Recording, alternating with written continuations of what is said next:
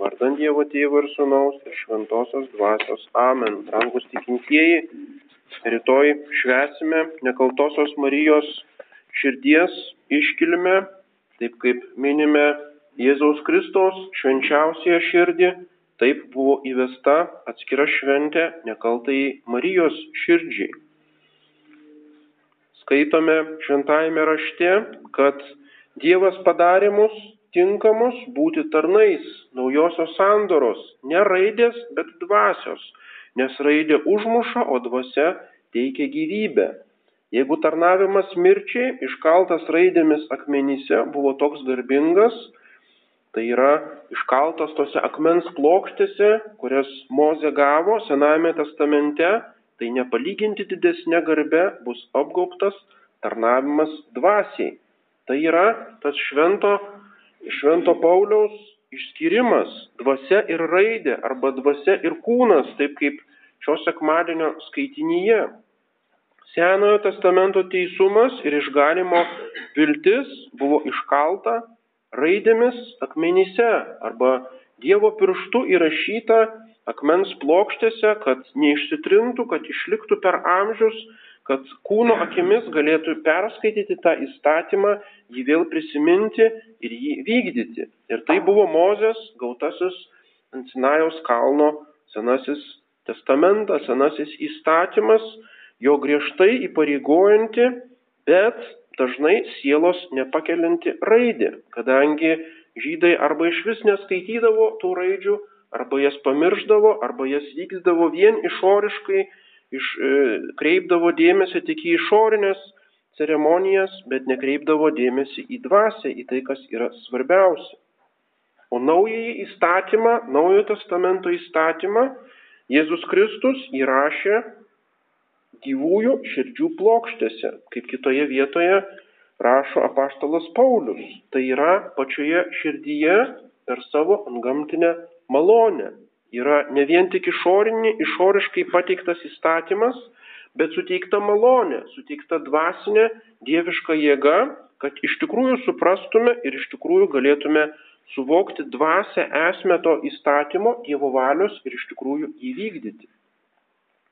Ir kurioje širdies plokštėje pirmiausia buvo įrašytas tas įstatymas, tai pirmiausia mylimosios Jėzaus motinos širdies plokštyje. Ir tai yra aiškiai parašyta Naujajame testamente, kelis kartus yra minima nekaltoji Marijos širdis, kuri dėmėjosi, dėjosi į, į širdį visus, visą tai, ką Jėzus kalbėjo ir ką darė. Marija su nepaprastu jautrumu stebėjo visus viešpatės gyvenimo įvykius, visus jo žodžius, visus jo kentėjimus, nuo pat įsikūnymo, nuo pat angelo žodžių iki pat baisios kančios, prisikelimo, dangun žengimo, visą tai svarstė savo širdyje, kaip skaitom Evangelijoje. Taigi širdis yra ta vieta, kurioje tos gyvų, gyvų širdžių plokštėse įrašoma visa tai, ką Jėzus Kristus pasakė, ką jis norėjo perduoti žmonėms. Marijos nekaltoji širdis yra ta naujo įstatymo plokštėje, kurioje surašyta visa Evangelija, kur šventoji dvasia neištrinamai įrėžia visą tą gyvybę teikiantį Jėzaus įstatymą, kuris yra Dievo ir artimo meilės įstatymas. Ir ta Marijos širdies plokštė yra palikta mums, ji mums duota kaip knyga, kaip meilės Dievui, jo valios vykdymo toks vadovėlis. Tai reikia imti jį ir skaityti per šitą Marijos širdį, eiti prie Jėzaus širdies, tai yra prie jo giliausių intencijų, prie jo ketinimų, ką jis apskritai norėjo žmonėms pasakyti, ką jis norėjo perduoti ir ko buvo pilna, pilna jo sielos gelmė. Ir būtent toje Marijos širdyje randame antgamtinę gyvybę, randame visą, kas reikalinga mūsų išganimui. Senojo įstatymo mokytojas klausė Jėzaus, kaip jau girdėjome Evangelijoje prieš kelis sekmadienius, ką turiu daryti mokytojau, kad laimėčiau amžiną gyvenimą, kas yra būtiniausia, kad pasiekčiau išganimą. Ir tas įstatymo mokytojas puikiai žinojo tą įstatymo raidę, kas yra išoriškai parašyta, bet buvo aklas, kol kas buvo aklas jos dvasiai. Kur tai yra antgamtinė gyvybė, tas gyvybinis principas, kuris realiai suvienyje su Dievu, kuris perteikia tą išganimą, veda į amžinybę Dievo karalystėje. Ir Jėzus klausia, kas parašyta įstatymė, mylėk viešpati savo Dievo visa širdimi, paskui visa siela visomis jėgomis visų protų. Taigi mylėk Dievą ir artimą, tai yra tai, kas turi būti įrašyta į širdį, visa širdimi mylėti. Kas tai yra širdis?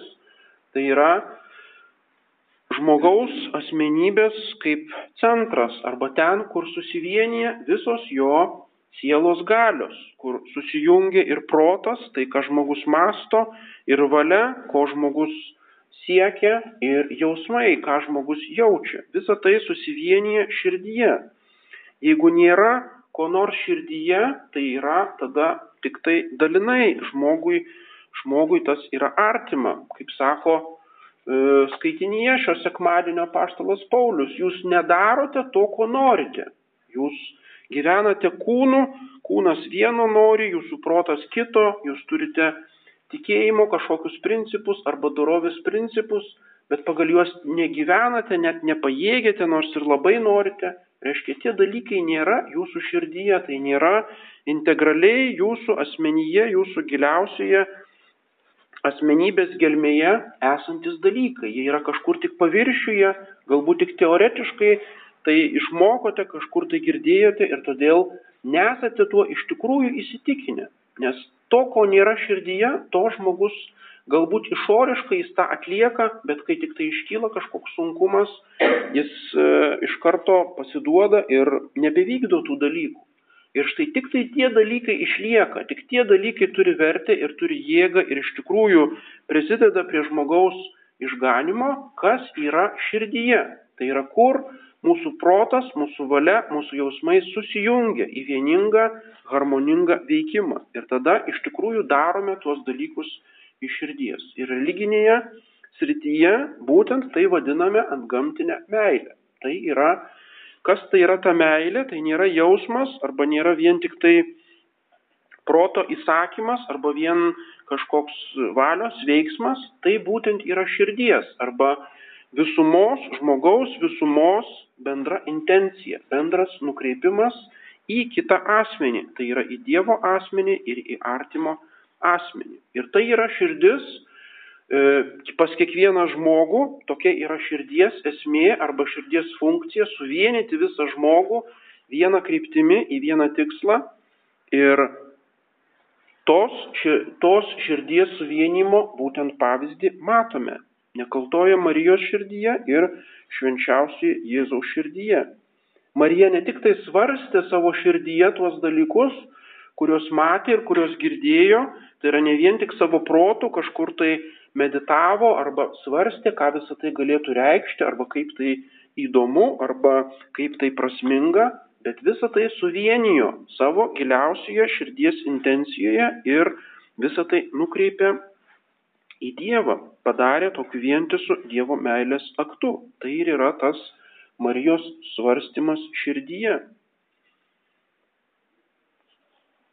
šitais laikais, kai pasaulis vis labiau tolsta nuo Dievo, vis labiau tas žmogaus, tas vientisumas arba tas integralumas suskaldomas į daugelį dalių, kai vieni tampa racionalistai, vadovaujasi vien protu, kiti yra voluntaristai, vadovaujasi vien valia, e, siekia kažko tai per jėgą, arba kiti vadovaujasi vien emocijomis, tas, tas vientisumas žmogaus sugriūva, vėlgi ką daro Dievas per savo apreiškimus šitais paskutiniais laikais, jis vėl pabrėžia širdį. Pabrėžia širdies reikšmę, kad jeigu nebus širdies vienybės, nebus širdies atsivertimo, tada nebebus išgelbėjimo.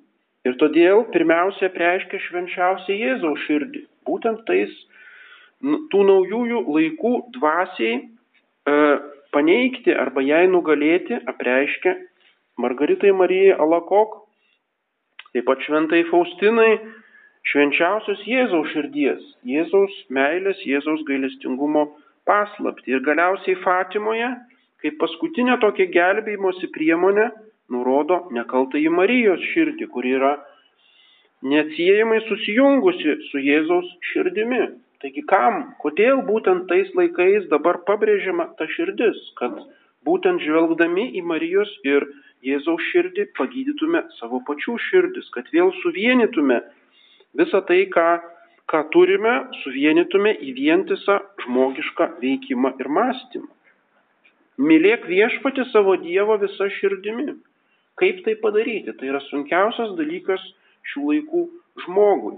Mūsų širdis tokia skurdi, bejėgė, mes nepajėgiam vykdyti dažnai to meilės įsakymo. Tiesiog jis nebeįsirašo į mūsų širdies plokštės, vėl lieka tokia mirusia raidė, kaip Senajame testamente kažkas tai įrašyta tikėjimo knygose ar maldaknygėse ar kažkokiuose įsakymuose, bet visa tai vėl kažkaip labai toli nuo mūsų tikro gyvenimo. Turime šitiek šventųjų pavyzdžių, kurie herojiškai vykdė tą meilės įsakymą. Turime tokią gilę teologiją, turime visus sakramentus, bažnyčios liturgiją, turime bažnyčios tradiciją, kurią saugome.